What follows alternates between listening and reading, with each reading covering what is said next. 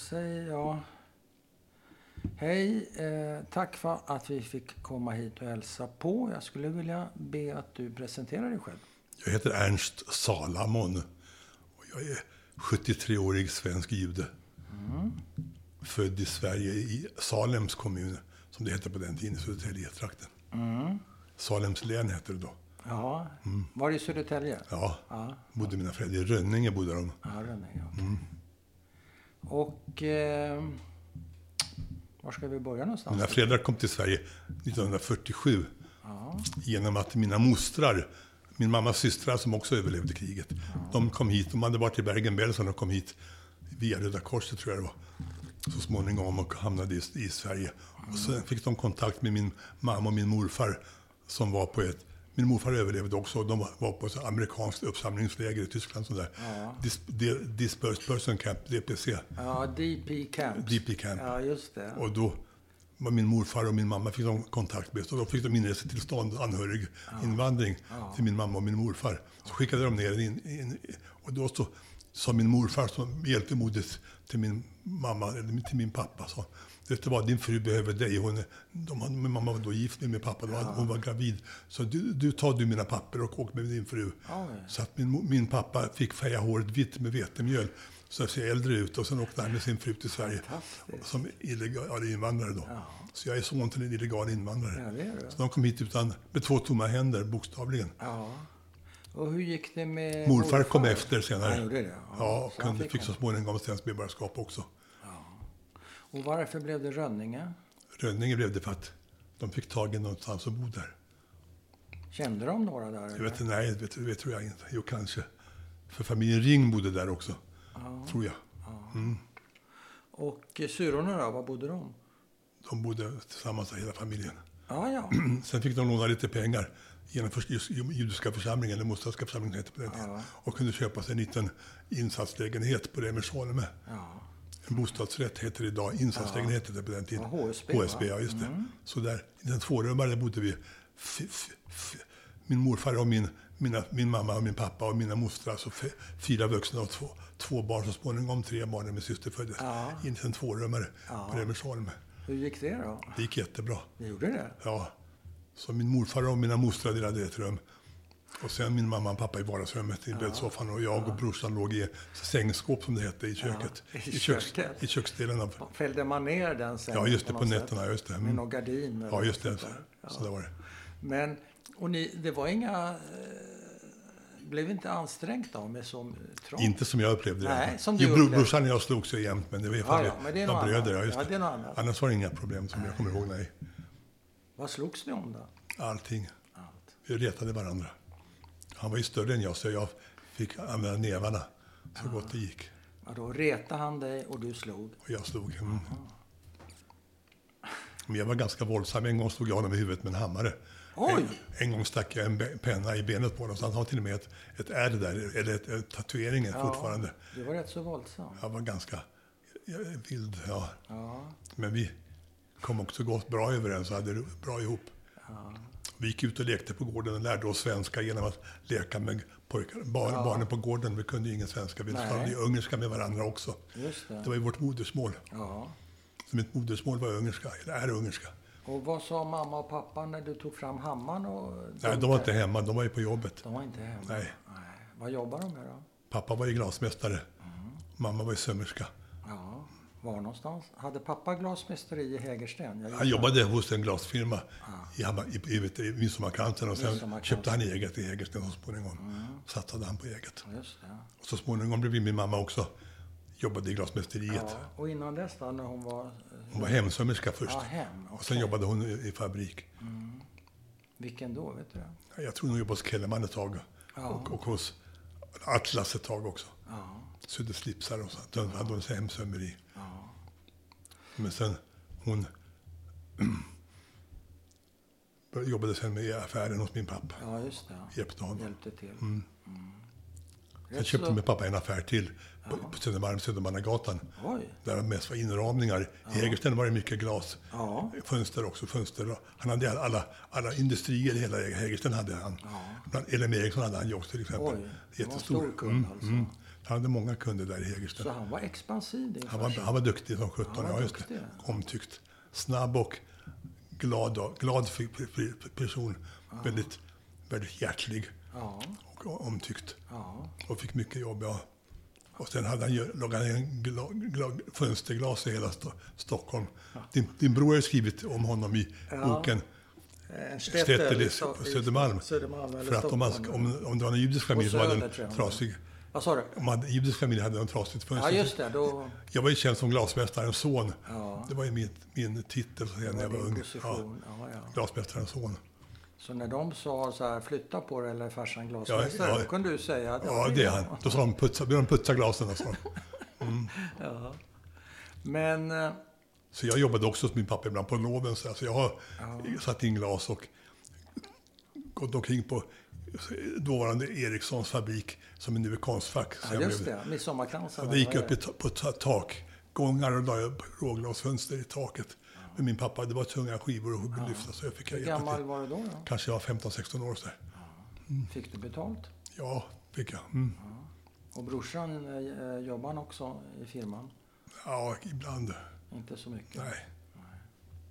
Men när du beskrev din pappa, vad, vad heter pappa och mamma? Moritz, Moritz. Paula, eller Hanna. Ja. Eller Pani kallades hon. Hennes smeknamn var pa- var så- Pani. ja. Alltså ungerska smeknamnet på Paula. Och pappa hade... Vad var, Moj- Moshe egentligen. Ja, Moshe. Ja.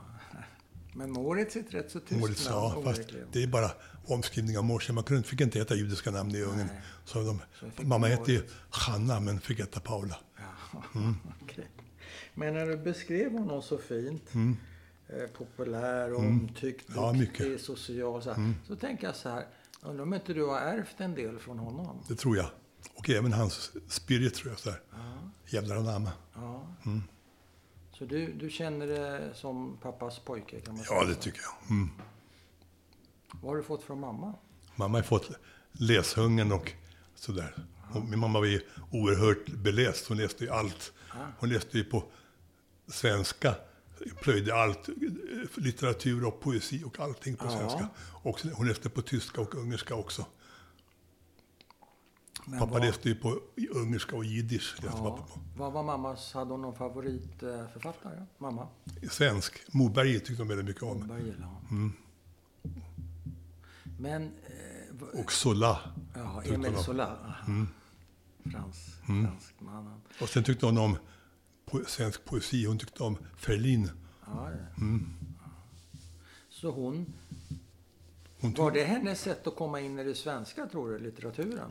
Hjälpte det henne? Ja, kan, kan jag tänka mig. Hon var ju väldigt läshungrig och oerhört autodidakt kan man säga. Ja. Hon alltid hade, hade hon kände sig dålig att hon inte hade pluggat. Hon hade velat plugga men hon kunde inte det för de var Nej. fattiga. Så hon hade inte råd att låta en flicka plugga. Hon fick bli sömmerska som andra flickorna. Så hon ville egentligen studera men det kunde hon aldrig. Det var alltid hennes stora sorg Det var i livet. sorg. Ja, det var sorg. Hon kände sig mindrevärdig att hon inte hade studerat. Och därför läste hon kanske? Ja, kanske inte därför, men hon tyckte om böcker. Hon, var Ja. väldigt, hon läste till och med mina psykologiböcker senare. Fast på svenska, inte de engelska. Nej, hon läste till och med Mm. dina psykologiböcker.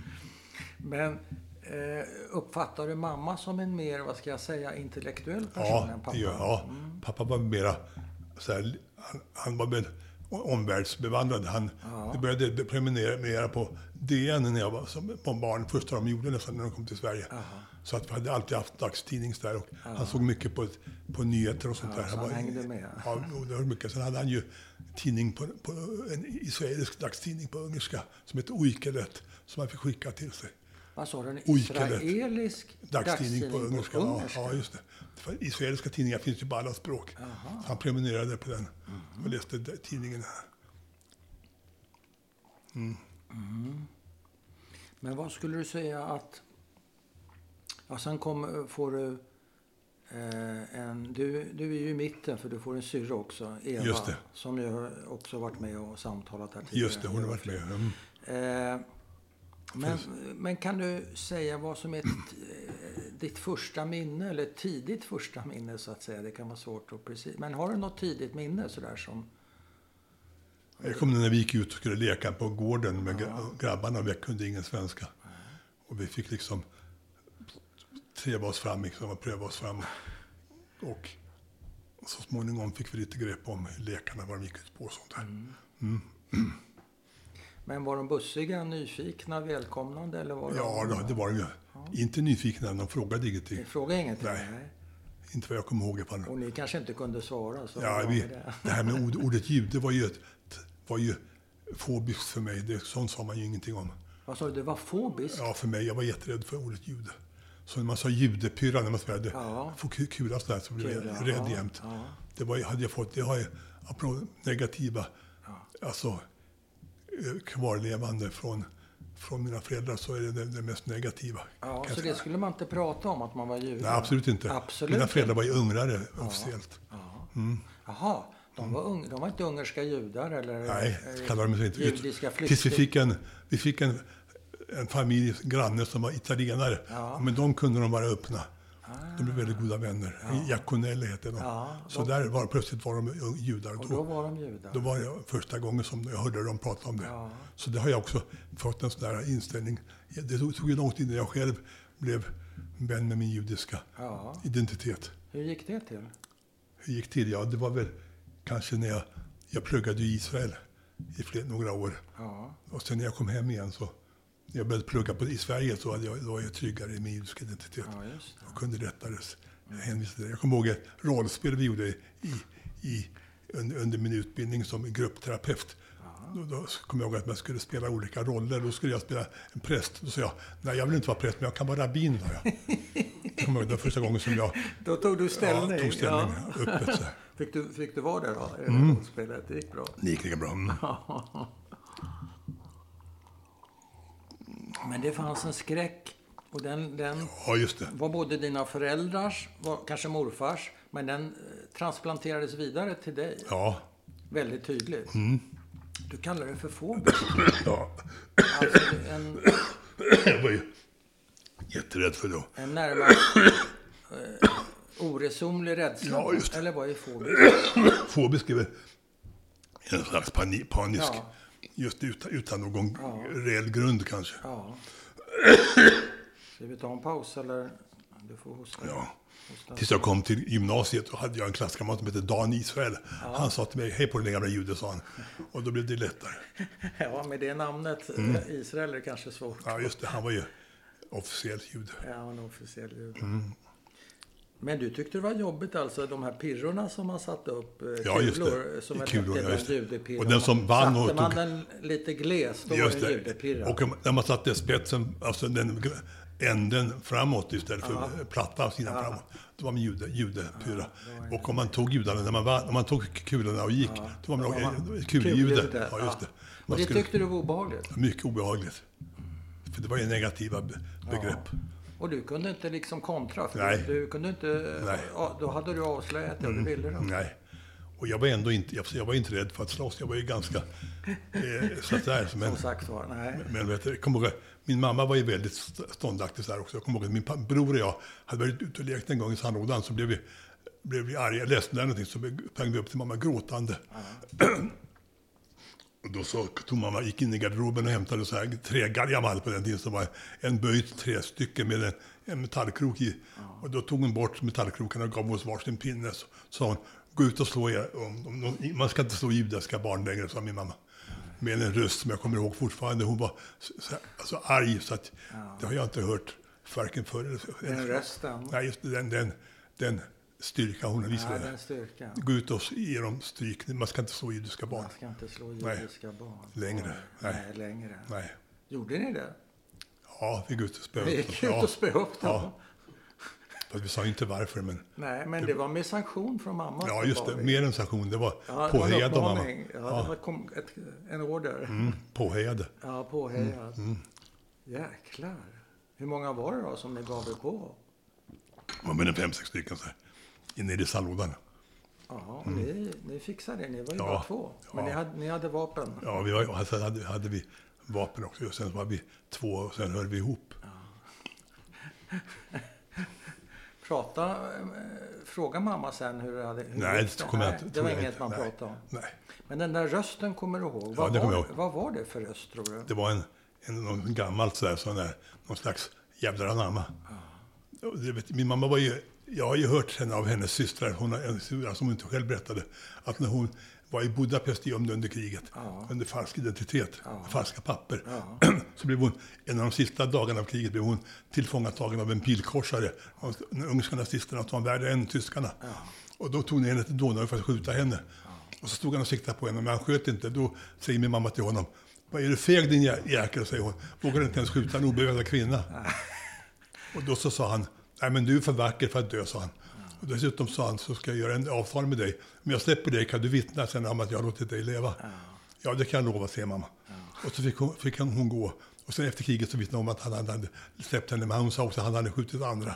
Så att han kom inte undan. Nej. Men hon var ju Men hon var tuff. helt orädd. Ja, hon var jätteorädd. Riktigt Vacker tuff. och orädd. Ja, just det. Hon jobbade på ett sjukhus där i Budapest. Ja. Tog hand om ibland, även tyska soldater, så de fick lite mat ibland. Jaha. Så hon klarade sig under kriget. Ja. Och Men blev hon deporterad då till slut? Eller Nej. Slapp, nej, hon slapp ifrån ja, hon slapp undan. Mm. Så hon överlevde i Budapest. Ja, och, va, och hur... Sen kom ju Och- ryssarna. Ja, sen kommer ryssarna, ja. Mm. Och, men hur hamnade hon i, i DP Camp? Eh, alltså så här Displaced Persons Camps betyder det väl? Ja, just det, just det. Men var det amerikanska zonen då? Ja, måste det varit. Hur hamnade de där? Det vet jag Mamma inte. och De- morfar? Du vet inte? Jag vet inte, de överlevde. De kanske gick tillbaka till hembyn och där fanns det ingenting att hämta. Så Nej. kanske de drog sig vidare. Du vet inte? Nej, inte exakt. Nej. Vad minns du av morfar? Morfar var en väldigt varm man och väldigt kunnig. Han var ju en, en Talmudlärd. Han var ju, Ja, han, han var ju rådfrågades ju i, i olika spörsmål och sånt där. aha. Han var väldigt kunnig, så hade han en väldigt vacker handstil. Ja, Så han skrev, han skrev ju väldigt vackert. Han skrev, skrev till och med så här för- födslo- ketubah, så här Ja. födslointyg till folk. Ja, eller bröllopsintyg. Ja, bröllopsintyg, just det. Ja. Men du, vad, vad hette morfar? Armin, Armin? ja, Ja.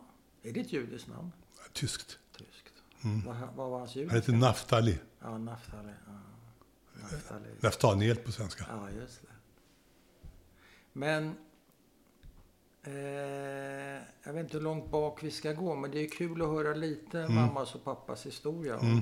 Så de kom till Sverige då. Till, Ja, på två tomma 47, händer. va? Just det. Men jag Pappa, tänkte på hur... Ja, förlåt. han var ju glasmästare utbildad i Ungern, i Tjeckoslovakien, Ungern, Tjeckoslovakien. Ja. För att han kom från gränsen där som blev tjeckiskt efter, Ja. efter, efter första världskriget. Han född i dåvarande Ungern, Ungern Österrike-Ungern. Mm. Och sen blev han ju tjeckisk medborgare. Så han gjorde först, han blev ju förpassad till tvångsarbete, först i Ungern och sen i tjeckisk tvångsarbete. Ja, Men han klarade sig genom att han var glasmästare, för då behövde de hjälp. ja, behövde De hade en pluton med hantverkare som ordnade upp hus för ungerska och tyska officerare. Ja. Så han fick lite bättre. Han sa ju själv att han hade en hyfsad ungersk officer som tog hand om sin grupp för att han behövde dem. Ja. Så de fick lite mer mat som, som överlevde. Men var, var, var de såna, det som kallades för arbetssoldater? Det Ja, det kan de vara. Ja, just Det är det. ett slags sla, slavarbete kan man Ja, väl det var säga. de just, Det var slavarbete, något sånt. ja. Men li- lite hyfsat ändå, så att säga. Ja, för att han, de, de var ju nödvändiga för att hålla i ordning på Ja. hantverkare var de ju. Ja. En snickare och glasmästare Ja. och murare och lite Och grann. varför blev han glasmästare? Var det någonting i släkten? Nej, det fanns en plats ledig hos, som, som lärling hos glasmästaren. Det var- Han ville bli bilmäck, men det fanns en plats ledig hos glasmästaren. Är glasmästare. Jaha. Han var praktisk, Mm. intresserad. Och eh, vad vet du om, om pappas familj? Vet du någonting om det? Lite grann om min pappas pappa var, han var ju vinodlare. Så att, men han dog ungefär vid första världskrigets slut någon gång. Är det här ungerska viner vi pratar om? Ja, öst, öst, just det, Tjeckien, Österrike, Tjeckien, ja, just. Ja. Och alltså nuvarande Ukraina tror jag det är. Eller, eller Vitryssland till och med. Jaha, okej. Mm. Det är de gränserna där fanns. Ja. Och sen vet jag, hans mamma, min pappas mamma var ju en driftig kvinna. Hon öppnade ett värdshus och drev det med sina, hon hade ju fyra döttrar och en son. Ja. Så hon drev värdshus där på landet. Där bönderna kom in och tog sig en sup och lite inlagd gurka eller inlagd kål efter jobbet. Ja, ja, ja. Så, ja. så Eva var och besökte, Eva och Ervin, mina syskon, bara besökte det. Jag kunde inte åka med. Nej, Men det fanns kvar det huset. det gör det ja. Så min mamma värdshus, var värdshusvärd. ja. Eller värdinna heter det kanske. ja. Hon var dotter där till... eh, Alltså din... Nej, hon drev det själv. Hon drev det själv? Mm. När min pappa, min, när min Din farfar hade farmor dött. pratar vi Ja, om. min farmor, Mm. Förlåt, din farmor. Nu är jag med. Ja. Så min pappa var enda sonen. Ja, Så hade han tre systrar. Och de systrarna, två av dem var gifta och hade barn. Och allihopa gick i dödslägren. ja. Mm. Så att jag har inga kvar från min pappas sida nästan. Inte alls? Nej. nej. Och från... Jo, jag har en pappas kusiner, har jag några stycken. Två i USA och en i Kanada. Mamma har några kusiner i Israel och sys- två systrar har hon som överlevde. Just det. Och sen kom, har du berättat hur de kom till Sverige Ja. ja. och lite grann hur de började jobba och sådär. Och lite tidiga minnen och så. Pappa fick ju jobb som glasmästare i Midsommarkransens glasmästeri. Ja. Jag kommer ihåg hur han cyklade på vintern med en ställning under armen där han hade glasskivor. Även på vintern. Sen fick han en moped och sen tog han körkort så småningom. Men det var jättejobbigt. kallt och ja, jobbigt kallt och och jävligt. halt. Ja, och cykla med glasskivor under armen. Mm. Det var hårda bud. Mm. Ja, det var hårda bud. När... när Men han hade en sån här jävlar anamma, min pappa. Jag hörde en historia om honom efter kriget. Hans kusin berättade hur hans bror hade, efter sån död, var sån dödsmarsch efter någon lägervistelse, som skulle dö tills de stupade. Kusinen hade sagt, nej nu orkar jag inte, nu sätter jag mig, då får de skjuta mig. Jag orkar inte gå ett steg till. Nej. Då kom hans unga starka kusin, morse tog honom på ryggen och bar honom upp för nästa kulle. Det var min pappa det. Det var din pappa. Mm. Så han räddade livet på sin kusin. Men hur hamnade han i läger och dödsmarsch? Pappa? Det vet jag inte exakt. Nej. Pratar de någonting om, om Nej. sina erfarenheter, dina föräldrar? Jag har intervjuat dem när jag gick psykologutbildningen. Jag skulle göra en familjekarta. Jaha. Men jag, inga detaljer om sådär. Min pappa hade, sa en detalj som jag kommer ihåg, också med, så här med glimten i ögat. Han berättade hur, hur de, han fick tyfus i lägret. De som var tyfussjuka ville de inte tyskarna veta av, så de slängde sin barack i utkanten av lägret. De skulle självdö där, fick ingen mat, ingenting. Så sa min pappa med glimten i ögat. Men vi lurade dem, för att bakom vårt, vår barack så låg sophögarna. Och när judarna, judiska arbetarna kom med soporna ifrån tyska köket så sa vi åt dem att slänga in soporna i, i vår barack istället för på sophögen. Och det fanns alltid någonting man kunde äta. Ja, potatisskal. Ja, och sånt där. Så de, så de, han sa det här, ungefär som om han hade en stor, stor kupp han hade, de hade Ja, gjort med glimten det. i ögat. Vi lurade dem. Ja. Vi överlevde, fast de inte ville det. Men det var allt eh, de i princip eh, berättade för, Mm. för dig. Ja, Frågar, när du var barn, hur blev det, den där tystnaden? Uppfattade du det som en tystnad? Nej, var inte det bara direkt. normalt? det var normalt det var som det var. normalitet. Men jag kommer ihåg att när vi hade be- besök av gäster ibland, och så började de snacka om läger och sånt där. Då sa han till mina föräldrar, "Shh, barnen hör. Så tystade de dem. Jag skulle inte prata när barnen var med. Mm. Och hur uppfattade du det? Blev du nyfiken eller skrämd? Ja, lite grann. eller? Mera skrämd. Jag, tyckte, jag förstod att det var något farligt som man inte skulle prata om. Men tyckte du det här blev en bra grej? Löste de det på ett bra sätt, tycker du, dina föräldrar? Tja, ja. jo kan jag väl säga att jag får väl inte illa av det, förutom det här fobin mot ju- judiska begrepp jude. ja, Annars har jag kommit ganska lindrigt undan. du tycker det? För sen tycker jag att man har fokuserat för mycket på negativa effekter Ja. istället för styrkor som man har fått av Ja. överleva, överleva, överlevande. Ja. Jag har, fått tycka, jag har känt mig att jag har fått en social patos också, som jag fått från min mamma framför allt. Det är också minne jag har när hon, när vi bodde på Remersholme, så kom det ibland sådana här gårdsmusikanter som Ja. spelade på gårdarna. Ja, Och då så sa min mamma att vi skulle gå ut och ge dem pengar. För de gör i alla fall någon nytta, säger hon. Då skulle man, när de kom, folk kom och tiggde vid dörren så gav hon inga pengar, för då köper de bara sprit, sa hon. Utom en gång kom det en man och tiggde vid dörren och sa jag är hungrig, sa han. Då sa min mamma till mig, kom hit. Så då gick hon in i köket så tog hon, skar en tjock limpa, skiva limpa och så la hon på matfett och sen gick hon till kylskåpet och hämtade vår sabbatssteken och så skar hon en tjock skiva kött och la på. Så sa hon, ge honom det här. Och så gick jag ut och gav honom så att han åt där först. Och så fick hon ett stort glas mjölk också. Så sa jag till mamma, mamma du brukar ju inte ge till de där fattiga. Nej, sa min mamma, men då sa hon med också den där starka rösten. Ingen ska gå ifrån mitt kök så länge jag har ma- hungrig, så länge jag har mat så del- delar jag, säger hon. Det var också sådär, den där gamla rösten. Ja. Så länge jag har ska jag dela med mig. Ja.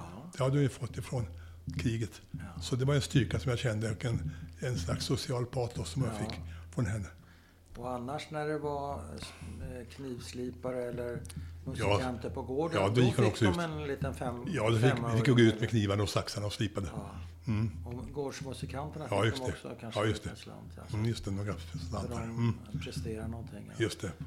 Eh, mm, vad heter det? Sen har jag känt ett socialt patos hela mitt liv. Jag har jobbat inom socialtjänst och sånt där. Jag har till och med utvecklat en arbetsmodell som kallas för uppdragstänkande, där man ser den, uppdrags, den hjälpsökande både inom psykiatri och inom socialt arbete, inte som en under, underlägsen utan som en uppdragsgivare som, ah, som ber om en, ett, ger ett uppdrag till just och den som är, den kallas för uppdragsmodellen, den är ganska allmänt spridd i Sverige fortfarande. Och den är din... Det är, din, Det är min, eh, jag och två kollegor som Kollegor, uppfann, ja. den just det. Ja, Sen kan man fortfarande hitta idag. Även internationellt har den använts ja. Mm. Men hur kopplar du den till dina föräldrars erfarenhet? genom att, att ta parti för de svaga, så att säga. Ja. Att de inte skulle vara i underläge, utan de kunde, kunde ha en, en styrkeposition. Just det. Fast man var i, kanske i socialt eller psykiskt underläge, Ja. så hade man en, ett, ett uppdrag som man skulle ge. Och det, var, det var bara man själv som visste vad som var rätt Ja. och fel. Det låg inte hos den som rådgivaren. Nej. den definitionen av ett gott råd. Ett gott råd är det som följs, alla andra råd är dåliga, sa vi. Och sådana saker. Men du, eh, vad hade dina föräldrar för trauman och sånt där efter kriget? Som, Min pappa hade ju, som min syster berättade, han sk- skrek ju på nätterna. ja, Och då sa ju min mamma och pappa har mardrömmar bara. Det var, ju, det var inget konstigt med det. hur, och hur, vad tyckte du, hur uppfattade du? Nej, Mardrömmar visste vi vad det var, så det var inget konstigt. Det var inget konstigt. Nej. Det var så det var. Ja, I man alla kunde ha hem mardrömmar, ja. Antagligen. Mm. Ja, just det. Så det var inte skrämmande för dig? Nej, inte direkt. Även om jag sprang in till deras rum när pappa skrek. Ja. Men då sa mamma bara, gå och lägg dig. Pappa har lite mardrömmar, Ja. ingen fara. Men dina föräldrar verkar ha varit måna om att skydda dig. Ja, absolut. För en del kan ju berätta om att när det blev bjudningar eller kaffe och sådär så kunde man helt ohämmat berätta om otäckheter trots att det fanns barn i närheten. Ja, det gjorde inte Men mina föräldrar. det Nej, absolut inte. föräldrar. Tvärtom, Ja, de hyschade ner om det kom gäster som skulle prata. Ja. Så det kanske var en rätt så bra grej. Även Ja, det det, väckte lite Ja. oro och skräck och nyfikenhet så kanske var mer på plus än minus. Mm. Och mamma då, hade hon eh, några, något trauma? Ja, det hade hon ju. Men det sa hon aldrig om. Det här med när hon var hotad till döden där i, i, av den där pilkorsaren Ja, och andra saker. ja, Hon var ju, också hon berättade när hon hade, gömde sig i Budapest med ungerskt namn. ja. Så höll hon på att åka fast en gång för hon, hon hörde att de tisslade och tasslade. Hon delade lägenhet med några ungerska flickor. Och då hörde, ja. sa de, den där, den, där, den där Anna som hon kallade sig för, hon tvättade sig väldigt ofta. Det är något skumt med henne. Man skulle inte vara så renlig om man var ungersk bondflicka. Nej, de, Så så, att- de angav henne? Ja, eller? de, de började tissla och tassla. Ja. Så min mamma fick klart för sig att hon skulle vara försiktig. Ja, just det. Men märkte du någonting av det som barn, eh, hennes trauma? Även om hon inte pratade om det, märktes det att hon hade, vad ska vi säga, sår, är eh, jobbiga upplevelser med sig? Nej, det tycker jag inte. Nej. Nej. Hon höll det för sig själv? Ja. Och hon och min pappa, de delade väl, tror jag. Ja, Hon tröstade min pappa när han var rädd på nätterna Ja. och sådär. de kunde snacka Mm, sinsemellan. det tror jag. För de hade liknande Mm. erfarenheter. Nej, inte riktigt. Nej, men... Men ändå, eh, ja just det. ja, Mm. Kanske inte De sant. kunde tala med varandra, just det. De kunde, Mm, det förstår jag. Så förstod jag det. ja. Mm. Har eh, den här ljudfobin som du hade, Ja. eller vad vi ska kalla den för, har det gått i arv till något av dina barn? Nej, tvärtom. Tvärtom? Väldigt frimodiga. Mm. Ja, de har inte Det är jag väldigt nöjd med. Och det, så det bröts i och med dina år i Israel kanske, och när du kom Ja, tillbaka? då och min det... fru var ju också väldigt frimodig. Ja, okej. Deras mamma. Så, att, Ja, jag förstår. Så det har inte Nej, levt... så vi har alltid varit öppet judiska sedan dess. Mm. Så jag tycker inte om begreppet judisk. Jag tycker om att man, heter, att man är jude. Ja, alltså inte att man är samisk, man är same. Ja. Jag är inte judisk, jag är jude. Nej, nej. Svensk jude, inte judisk svensk. Nej, sa jag judisk? Nej, men Nej, Men jag, förstår, jag håller Men jag med dig. Man det. brukar Mm. säga ibland judisk härkomst och det tycker jag alltid är ett väldigt konstigt eh, uttryck. Exakt, ju- man är jude. Han är jude. Det håller jag med om. Mm, svensk jude Ja. kan man möjligen vara. Ja. Eller judisk svensk. Nej, inte då blir judisk man svensk, då är man judisk judisk. Det går Svensk inte. jude, ja. Svensk jude. Men vilket känner du mest av? Vilket, är du jude eller är du svensk? Det är olika sammanhang. Israel kallar mig för svensken, Ja, men här i, i, i sociala sammanhang har jag ofta varit juden från Sverige. ja, Jag, i in- internationella sammanhang som jag var mycket i. ja. Jag, hade ju en, jag har ju en irländsk kollega som jag jobbade mycket ihop med. Jaha. Hon, kallade, hon sa alltid att det här är min judiska vän från Sverige, hon, när hon presenterade mig. Ja, Jewish My Jewish friend from Sweden. Ja, det. Och det var du bekväm med? Ja, det var helt bekvämt. Ja. Det var också bra för mig. Nyttigt för mig att få träna mig på det. Just det. Men du, eh, jag vet inte hur vi ska riktigt komma in på det. Du har ju haft ett, ett Så jag par... tycker att jag har fått många, många styrkor jag har fått från mina föräldrar. Ja. Mm. Men jag vill, jag vill knyta det till, om du vill snacka om det, det känns lite ofint kanske att, att ta upp det. Men du har ju haft några riktigt jobbiga motgångar i ditt liv. Och det har vi väl alla mer eller mindre. Mm. Ja. Men du, du har haft Ja, din beskärda del. Mm. Jag fick hur- en, en stroke 2012 Ja, som lämnade mig halvtidsförlamad. ja. till exempel. Mm, efter att jag har haft ett aktivt liv med mycket idrott och sånt där. Ja, Jag har både sprungit, åkt skidor och åkt skridskor. ja. Så att jag har, Och det var det slut det med. har jag fått sluta med.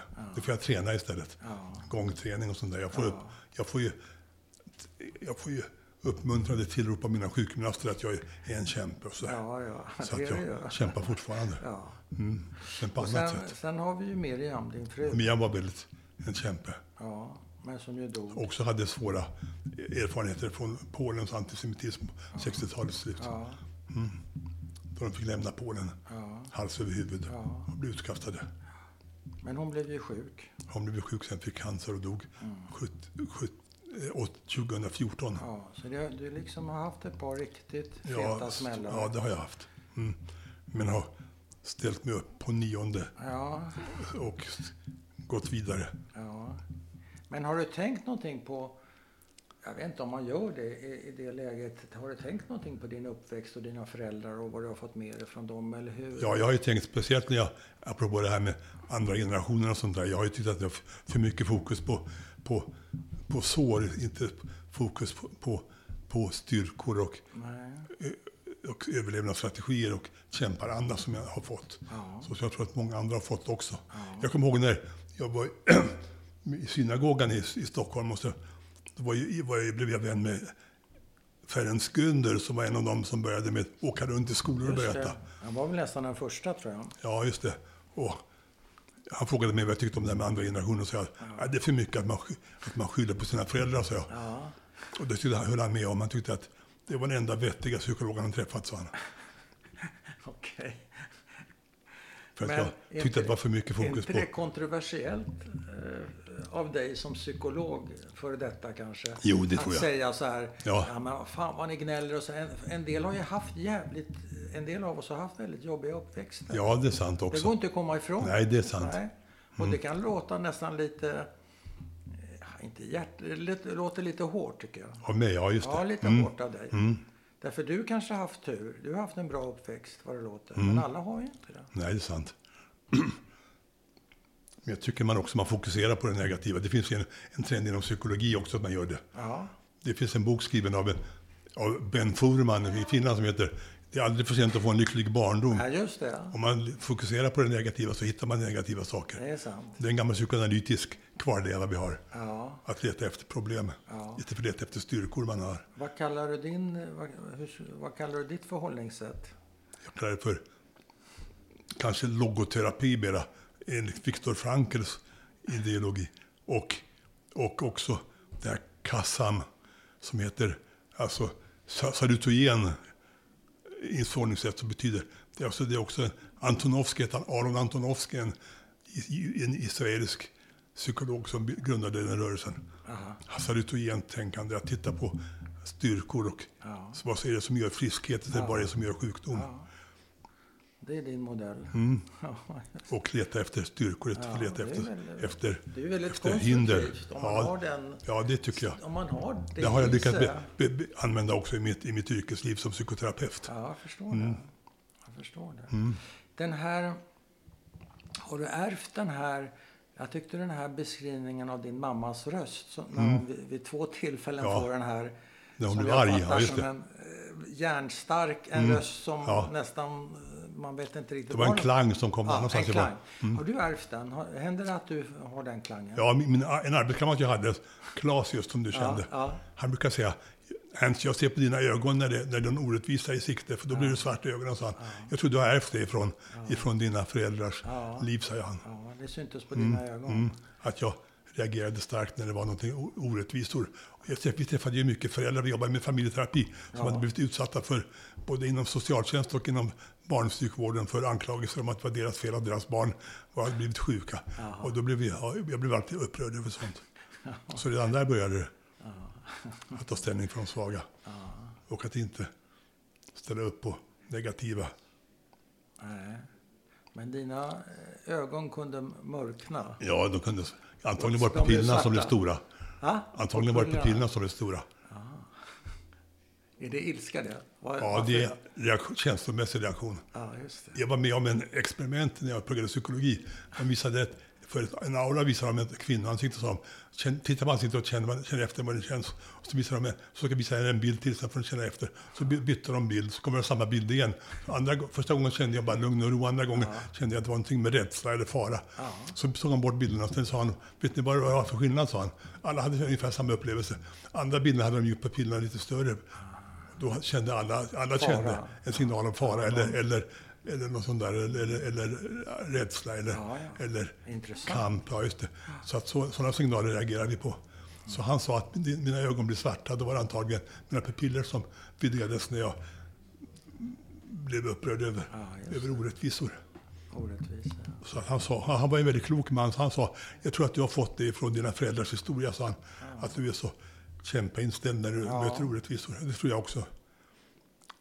Så att den här modellen som vi grundade, som heter uppdragsmodellen, det var ju ett sätt att, att vända på styrkepositionerna. Ja. Jag var till exempel om Anna, Anna Odell, hennes film En okänd kvinna, så intervjuade hon ju en massa psykologer och jag var ju också intervjuad. Och jag var den enda som stöttade henne i hennes idé om att, om att, om att lura psykvården. Jag sa till henne att du har rätt att lura dem om de har, om de har granskat dig så kan du ha rätt att granska dem, Ja, sa jag. det. Så du backade upp henne? Så jag backade upp henne. Och du var den enda som gjorde Enda det? som gjorde det. Amanda var, var försiktig och sådär. Ja, ja. Men jag var, för fan sa jag. Det är skit, skitbra sa jag. Mm. Så jag är med i den filmen. Det, det där påminner ju om eh, mammas eh, orädsla. Ja, just det. du pratar Jag tänker också det. Ja, att inte... Där vid, vid kajen liksom. Ja, just det. Fan, vågar du inte det? Din Ja, just det. Och det här var ungefär samma förhållningssätt. Anna Odell hade varit utsatt för mycket inom, när hon var yngre. Ja. Så att nu hade hon en chans att ge tillbaka Ja, och det vända på rollerna. Vända på kuttingen. Och det var ju inte okej tyckte många Nej, nej, tvärtom. Hon, Så fick man inte göra. hon fick mycket man fick på inte skallen. luras. Ja, Nej. ja, ja. Så var det, det kommer jag ihåg. Hon fick en, jag sa till henne, akta dig bara så du inte får någon, någon hämndgalen läkare efter så här. Och det fick hon ju. Den här, vad heter han, Eberhard, blev jättegalen på henne. Ja, det inte. Och sa till mig att om han kom in igen skulle han spruta ner henne med olika bedövningsmedel, sa han ju. Ja, han fick ju, det fick han ju på tafsen för sen. Ja, ja. Så det fick man inte säga som läkare. Nej, det får man ju verkligen. Nej. Du, eh, vi har ju, tycker jag, täckt en hel del. Är det Oh, ja. någonting du vill lägga till, Ernst? Som vi har missat? Ja, det var det här som jag ville komma fram med, att leta efter styrkor, inte leta efter svagheter. Ja, Vad är det som dina föräldrar har gett dig efter de här hemska upplevelserna som du har kunnat gå stärkt av genom livet? Ja, Fråga efter det, så får man svar. Som man ropar får man svar, säger man. ja, just det. Mm. Ja, det är ju sant.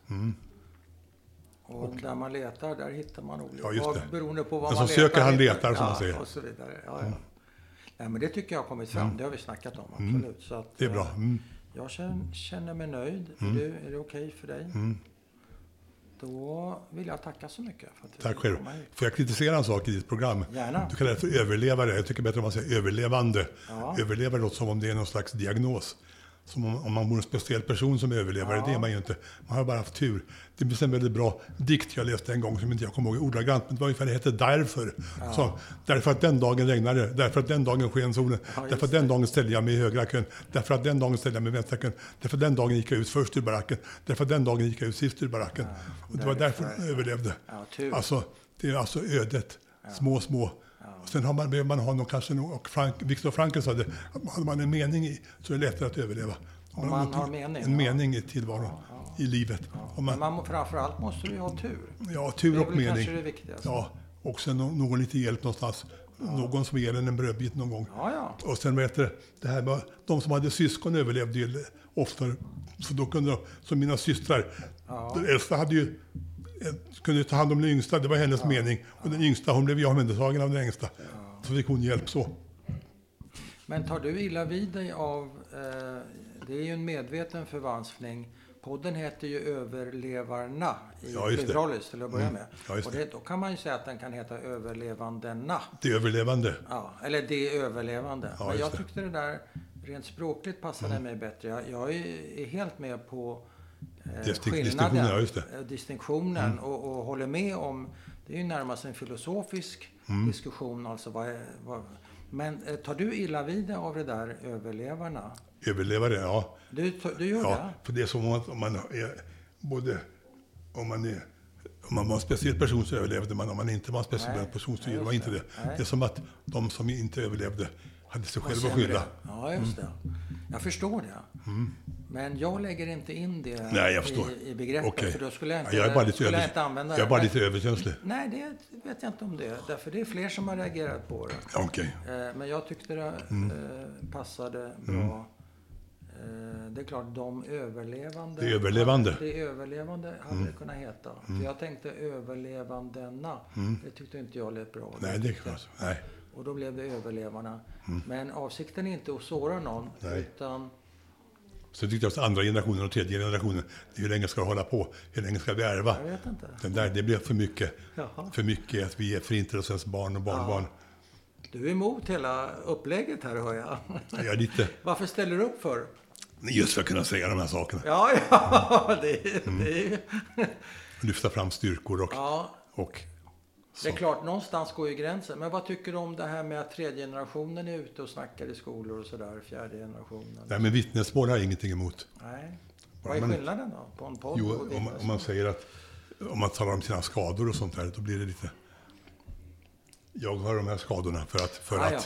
sådär. Men om man berättar första Ja, generationens berättelse i generationen. Det är någonting okej, annat. Det är ja, något annat. Ja, okej. just det. Säger bara bra, bravo, säger jag. Så de som för vidare. Ja, ja. Mm. Ja. Då förstår jag distinktionen.